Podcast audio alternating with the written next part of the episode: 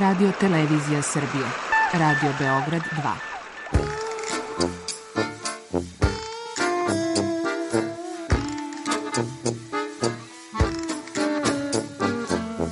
Rekli su mi, gospodine, vi ste promašili temu. Pa ja sam onda promašio život.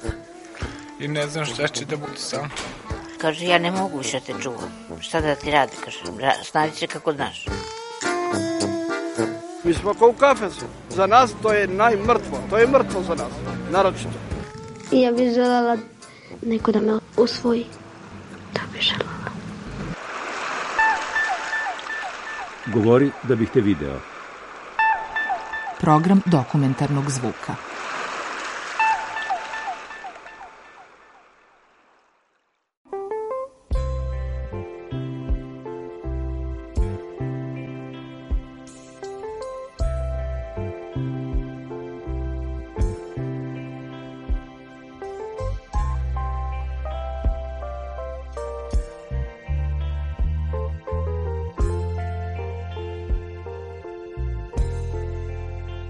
Da sam 49. godišta, on se može reći ja sam čedo Jugoslavije, čedo socijalizma. Himnu da čujem Hej Sloveni, odmah bih plakala.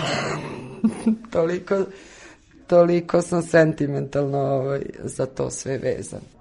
Bili smo organizovana država, što je jako lepo za življenje biti siguran. Imali smo neverovatno dobro školstvo. Neverovatno dobro školstvo.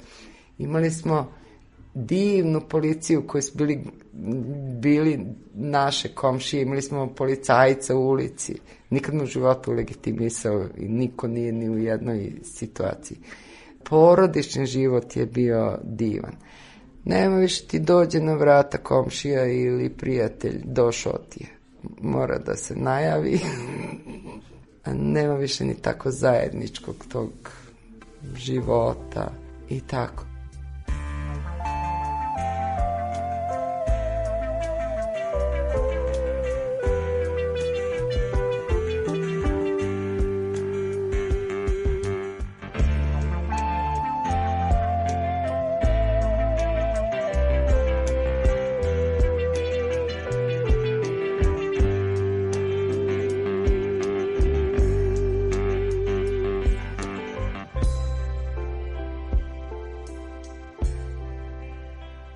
Kad bi se vratila sada u, u dane svoje mladosti, nekih 70-ih, 80-ih godina i pre toga, i pitala se kako sam zadovoljna tim danima i tim vremenom, mogu reći da sam bila jako nezadovoljna. Nezadovoljna u smislu što sam završila školu koju sam želela i volela, spremila se da budem učiteljica, a kada sam izašla iz te škole, ispostavilo se da za mene mesta u školama nema bila sam neprilagođena. Znači, razlog te neprilagođenosti e, našlo, našao se u tome u pedigreu moje porodice koja je bila četnička.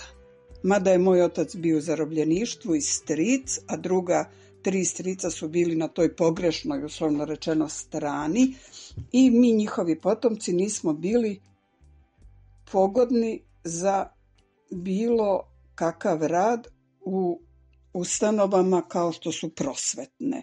Škole su za mene bile jako nedostupne ili mogu reći ograničene, ograničene u smislu da su me pozivali u školu da radim kada niko drugi nije mogao. Na primjer, u vreme variole vere bila sam pozvana u školu da radim, za, da zamenjujem trudnicu.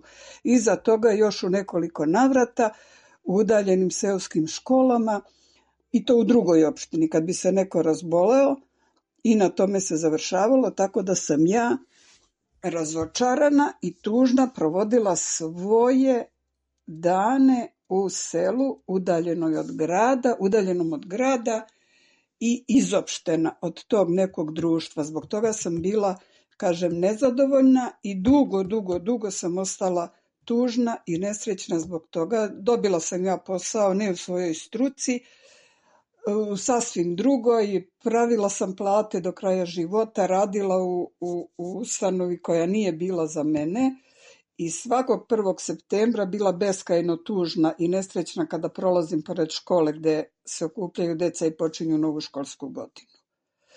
Tako da, da ne pričam više o tome, e, naša porodica i naša kuća je bila jedna, da završim s tim, od redkih u kojoj se nije plakalo kada je Tito umro, jel? Za nas je on bio uzrok svih naših nezadovoljstava.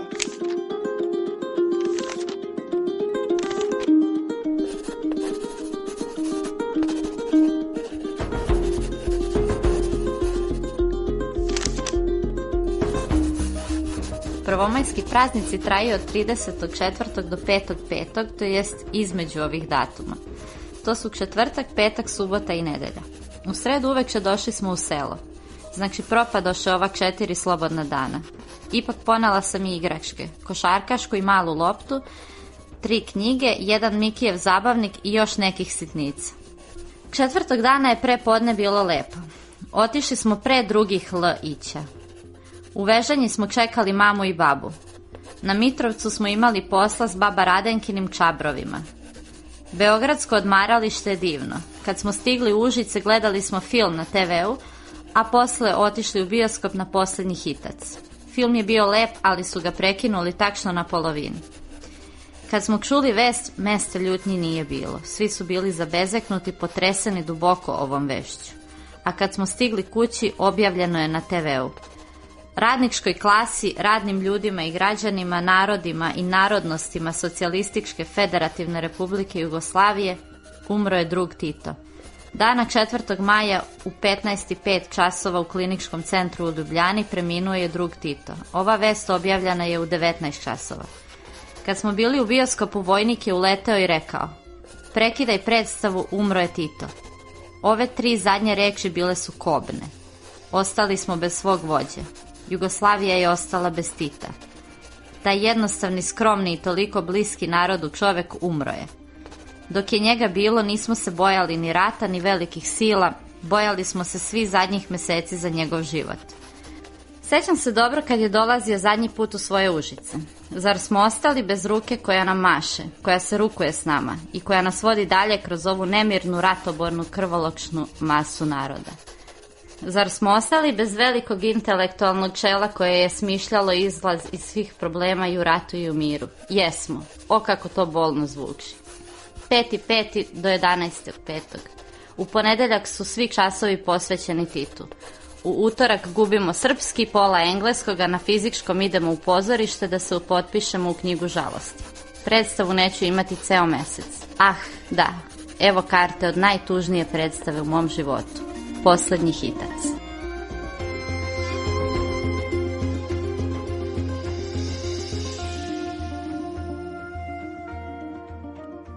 Mi smo ranije, aktivno smo se družili, odlazili smo na koncerte, na predstave, na pecanje, odlazili smo u grad grupno, žurke, koncerti.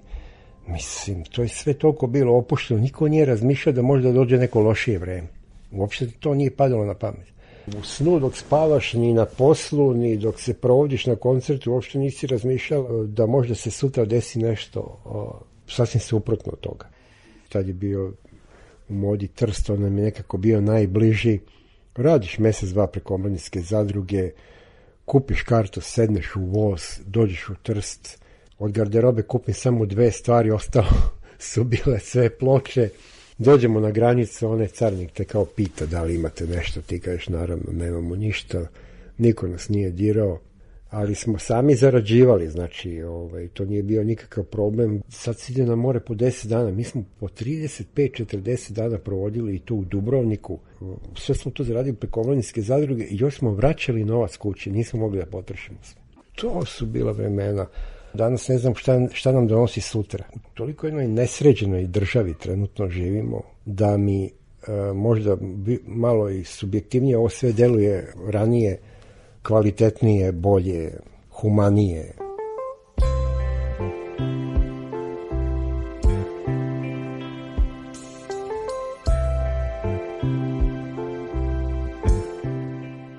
Taj život u mladosti u socijalističkoj federativnoj republici Jugoslaviji za koju svi kažu da je to bio jedan život dostojan čoveka. Pa mislim da je to dosta diskutabilno i evo daću primjer iz mog detinjstva. Živjeli smo moja porodica i ja u Beogradu na Vračaru, sada poželjnoj i atraktivnoj beogradskoj opštini. Tada to nije tako izgledalo. E, živjeli smo u maloj ulici sa mnogo oronulih zgrada i 50% porodice koje u tom delu ulice živelo e, zapravo su e, živjeli u takozvanim zajedničkim stanovima. A to znači sledeće. Imate zvonce na vratima i tamo piše Milutinović zvoni jedan put, Radusinović zvoni dva put i Pantić zvoni tri put. Znači tri porodice sa mnogo dece i svi dele jedno kupatilo, jedan WC, kuhinja čak i ne može da se dele jer te domaćice ne mogu da usklade svoja vremena, svi prčkaju nešto i kuvaju u svojim sobama, svi su u, u potencijalnoj zavadi i niko u toj zajednici nije srećan. I nisu oni jedini koji pate.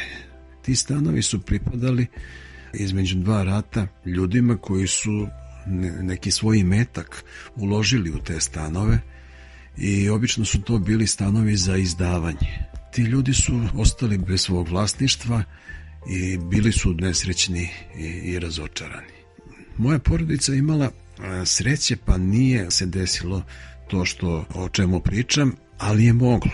Moja majka priča situaciju, u jednom trenutku dolaze iz Reamskog komiteta, stan je bio mali, jednosoban, ali imao dva ulaza i dotični odlučuju da postoji mogućnost da se tu uselio još jedna porodica. Kako smo to izbegli? Moj otac je bio inženjer.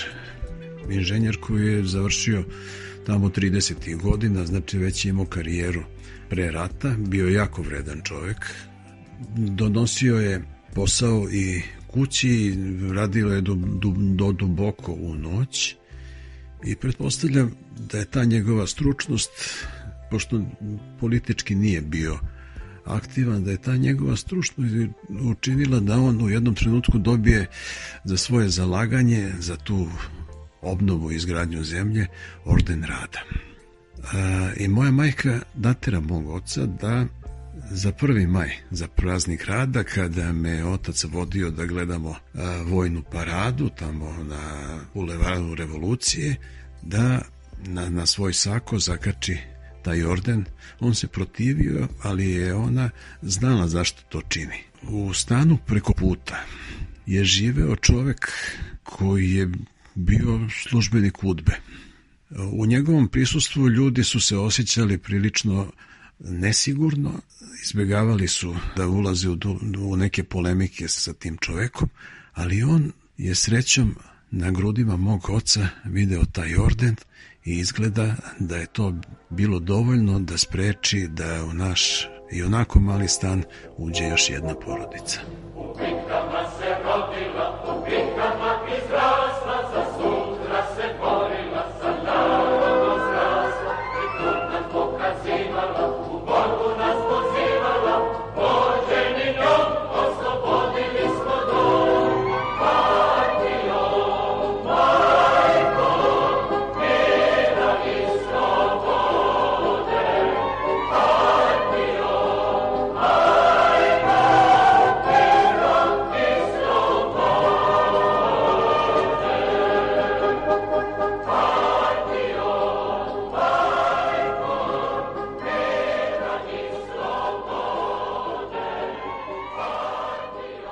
Velikih razlika tada nije bilo. Što smo svi bili jednaki kad smo se mučili i svi smo jednako napredovali.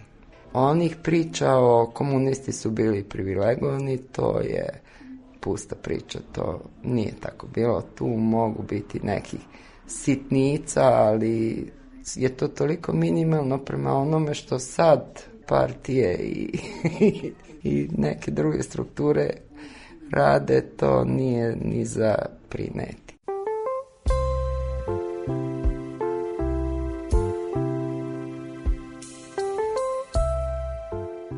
Ne znam, malo mi nejasno zapravo ta vrsta nostalgije mi je nejasna i jako mi djeluje subjektivno.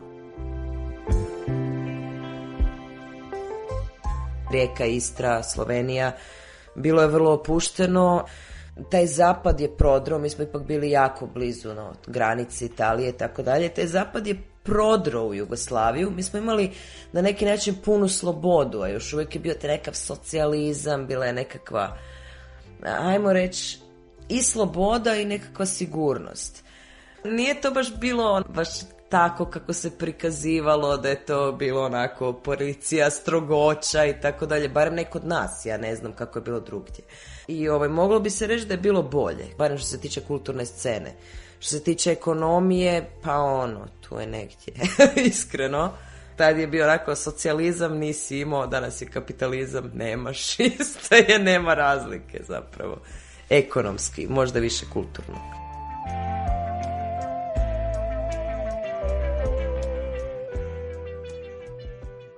Prvo zemlja je bila mnogo veća i mnogo bogatija, više gradova, više pozorišta, više bioskopa, više festivala, više narodnosti, postojala je industrija, postojala je radnička klasa, postojala je ideologija, postojala je ozbiljna politika, postojalo je mnogo više novca za kulturu, postojalo je mnogo više prostora i mnogo se više ulagalo u kulturu nego što se danas vam je nula za kulturu.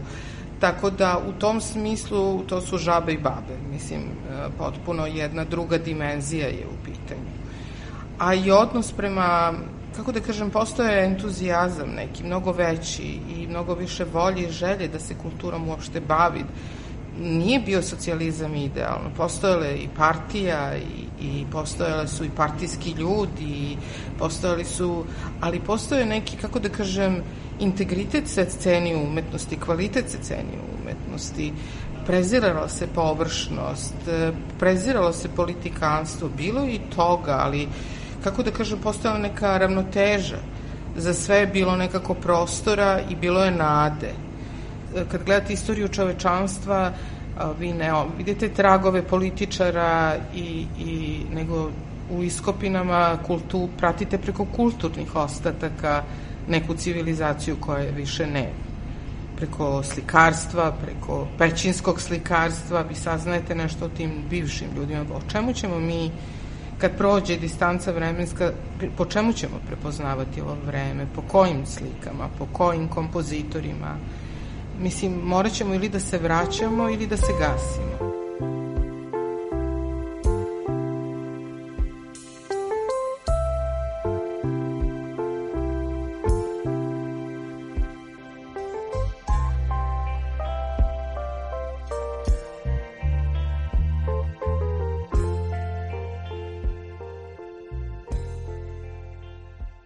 recimo mom ocu je bilo bolje krajem 90-ih kada je otvorio firmu i onda recimo postao biznismen. To mu je recimo bilo bolje, on se tu našao totalno. Mislim sad, bili ja njega mogla nazvati kapitalistom? Vjerujem da da, on se prilagodio kapitalizmu. Ali bilo je jako puno njih koje mi je govorio mi kako je sreo ljude s kojima je radio i onda ih vide kako se oni nisu snašli u kapitalizmu i to u njemu bilo strašno.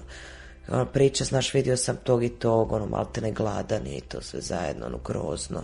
I na neki način i njemu neugodno što se on snašao. To je to. To je se uvijek dvosekli mač. Neko se snađe, neko se ne snađe i vjerujem da ovima koji se nisu snašli, oni često govore bilo je bolje prije.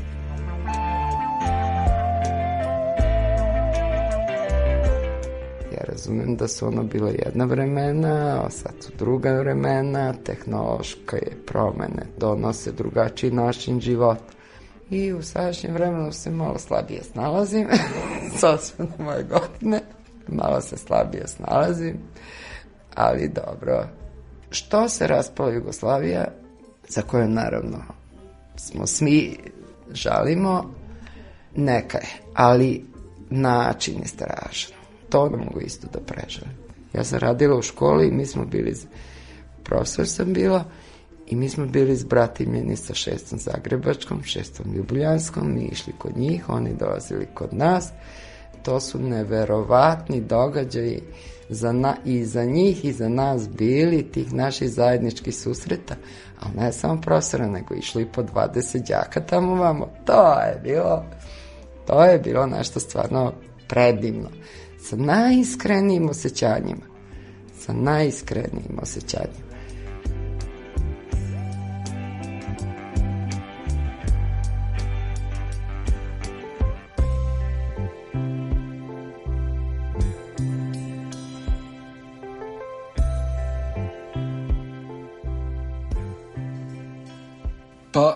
Ovako, ja sam 69. godište i u principu ono što je zapravo pritiskalo možda i generacije pre mene, a posebno moju generaciju, jer mi smo nekako, da kažemo, stasali e, tačno u momentu kada se desilo, kada se tranzicija desila iz socijalističkog sistema, takozvanog, u ovaj, nešto što bi bio početak, prapočetak demokratije ovaj, na ovim prostorima ponovni, da kažemo. Došlo je do nekog ra, do, do rascepa u razumevanju kod mlađih ljudi.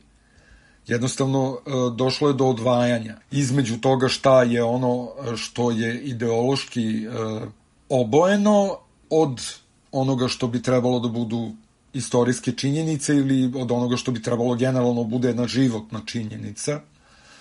Ove, ovaj, tako da u principu već tamo negde srednja škola ja se e, sećam da su se naši roditelji hvatali svi za glave, ali već tada je po, počelo to neko preispitivanje. Pojavili su se dakle ljudi na ulicama, beskućnici, glasanje je bilo potpuno obesmišljeno, mislim kad imaš 18 godina i onda kao prvi put ideš na, na glasanje, ti zapravo nemaš pojma ko su ti ljudi. Mislim i ti glasaš za ljude unutar jedne partije. Postoji samo jedna partija i onda se glasa za takozvane predstavnike naroda koji zapravo postoje tu samo kao ime. Ne zna se ko je, ne zna se šta je, ne zna se šta stoji iza njega, ne zna se ništa o njemu. Dakle, on postoji samo kao ime. I to je to. I sad, zbog čega mi glasamo za ljude unutar jedne partije, a zovemo se demokratskim društvom? I onda to preispitivanje gde su, mislim, naravno, mi smo gledali mnogo filmova i onda je tu prošao i taj crni talas i po ostalom bilo je dovoljno da se osvrne. Zbog čega mi u, u jednom društvu koje teži da bude toliko humano, ovaj, imamo sa druge strane te ljude koji ne mogu da nađu posao prekvalifikovane primer je bilo to sa mojom majkom koja se zapravo koja je stalno strepela od te reorganizacije koja je u stvari značila da ona može da izgubi posao. A s druge strane moj otac je na primer izgubio svoju poziciju šefa e, službe na osnovu toga što nije tokom jedne od tih reorganizacija želeo da se e, učlani u komunističku partiju, zato što je on smatrao da je već da mu je blizu penzija i da je potpuno besmisleno da ako toliko dugo već zapravo, odnosno nikada nije bio član partije, zbog čega bi sada postojao član partije, kada čovjek ne veruje ni u partije, ni u generalno politiku. Ovaj, tako da je on u stvari nije izgubio posao, nego je nekako bio on je dobio drugu poziciju koja je bila u stvari neka vrsta savjetnika onome koji je bio na njegovom mestu, odnosno koji je dobio mesto šefa. I to je nekako obeležilo, mislim, takvi primeri su obeležili zapravo tu neku zapravo kontraverzu krajem 80-ih u razmišljanju ljudi. I sve te stvari su se nekako prelile i u školu. I onda je jedna od glavnih stvari bilo zapravo maltretiranje profesora iz marksizma, pošto sva deca, mislim, znaju da profesor marksizma mora da bude u partiji i on samim tim ne sme da odgovori na, na sva pitanja koja su onako malo nezgodna i to se zloupotrebljavalo u ogromnim količinama već od prve godine srednje škole. Tako da svest mlađih je nekako bila delovalo je kao da je svest nekako na, na nekoj distanci i na možda eventualno razvijenijem nivou nego, nego generacije naših roditelja ili naših roditelja, jer da li su oni zaboravili ili su jednostavno e, izabrali da zaborave na te neke stvari. Zapravo mi smo imali priliku za jednu pravu vrstu bunta negde u, u to vreme. E, zbog toga što napravio se zapravo kulturološki jaz. Svatanje ljudi e, mlađih je bilo drastično drugačije od, od onoga naših roditelja i starijih sugrađana.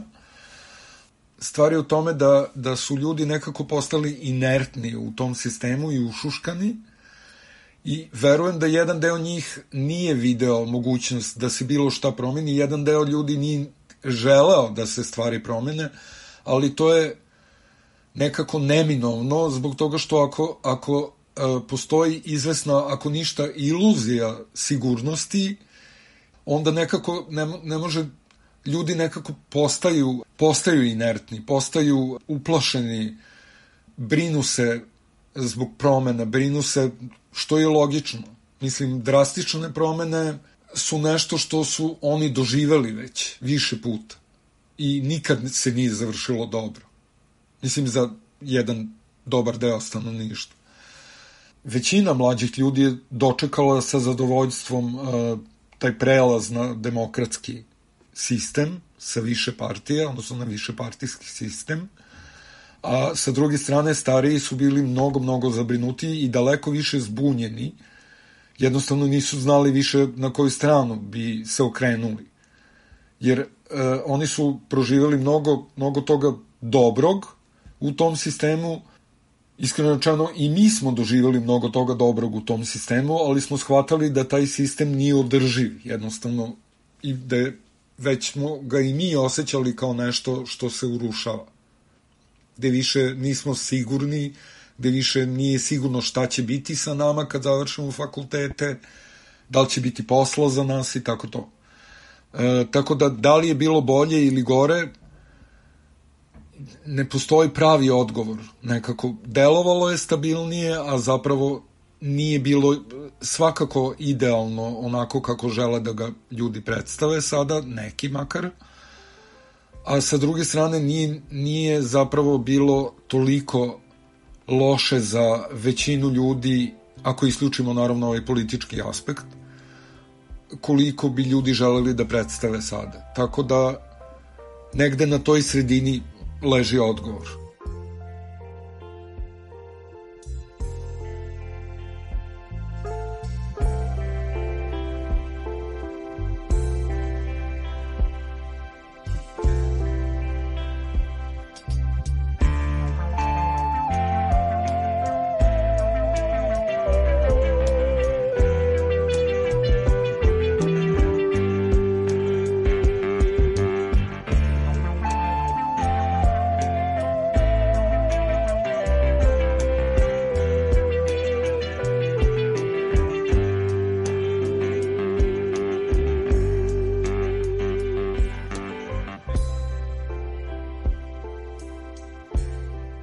Čuli ste dokumentarnu reportažu koje su naši sagovornici pokušali da odgovore na pitanje da li je život u SFRJ bio bolji.